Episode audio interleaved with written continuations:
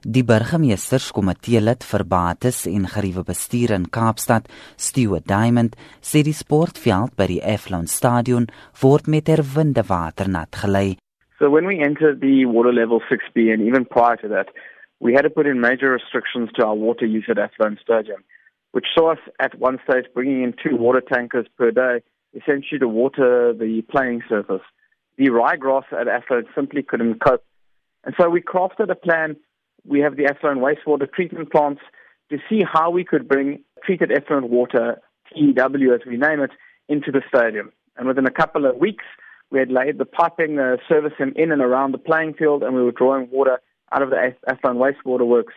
And during the December period, while the teams went on break, within four to five weeks, the playing service had returned, and we hosted the Banyana Banyana players and Sweden at the at the venue. Diamond sê daar is ook alternatiewe waterbesparingsmaatreëls vir badkamergeriewe by die stadion ingestel. And so the investigation led us to a system called the AquaTrip, which is a motion sensor system. It picks up when people enter our bathroom facilities. It then allows the taps to service for a 10 minute period and the toilet systems to fill for 10 minutes.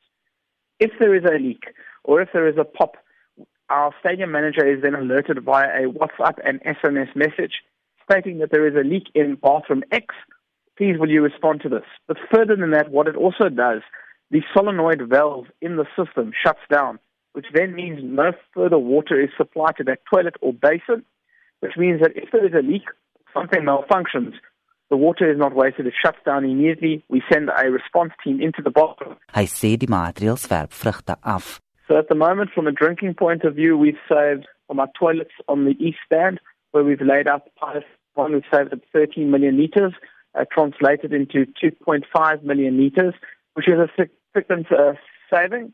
We're currently still awaiting the uh, final numbers from our um, the treated effluent project on the field. But essentially, we haven't used potable water on our playing surface since late November. Diamond sê alle stadions pas waterbesparingsmaatreëls toe. In all our stadiums, the first phase of our project was how do we turn down water pressure? How do we turn certain taps off? How do we look at a better flush system, so systems that have a slightly smaller flush, and then to put hand sanitizers plus education through all the projects. So during the uh, Cape Town Sevens, which was hosted at Cape Town Stadium, there was a significant turn down in the pressure reduction uh, at the stadium, as well as making fewer taps available, and then obviously looking at the flush system plus um, hand sanitizers to reduce, reduce, and reduce to ensure that every drop is saved. Diamond hulle wil binnekort die waterbesparingsmaatreëls wat by die Aflon Stadion geld, ook by ander sportgeriewe implementeer. Jean Estreisen, SAICanis.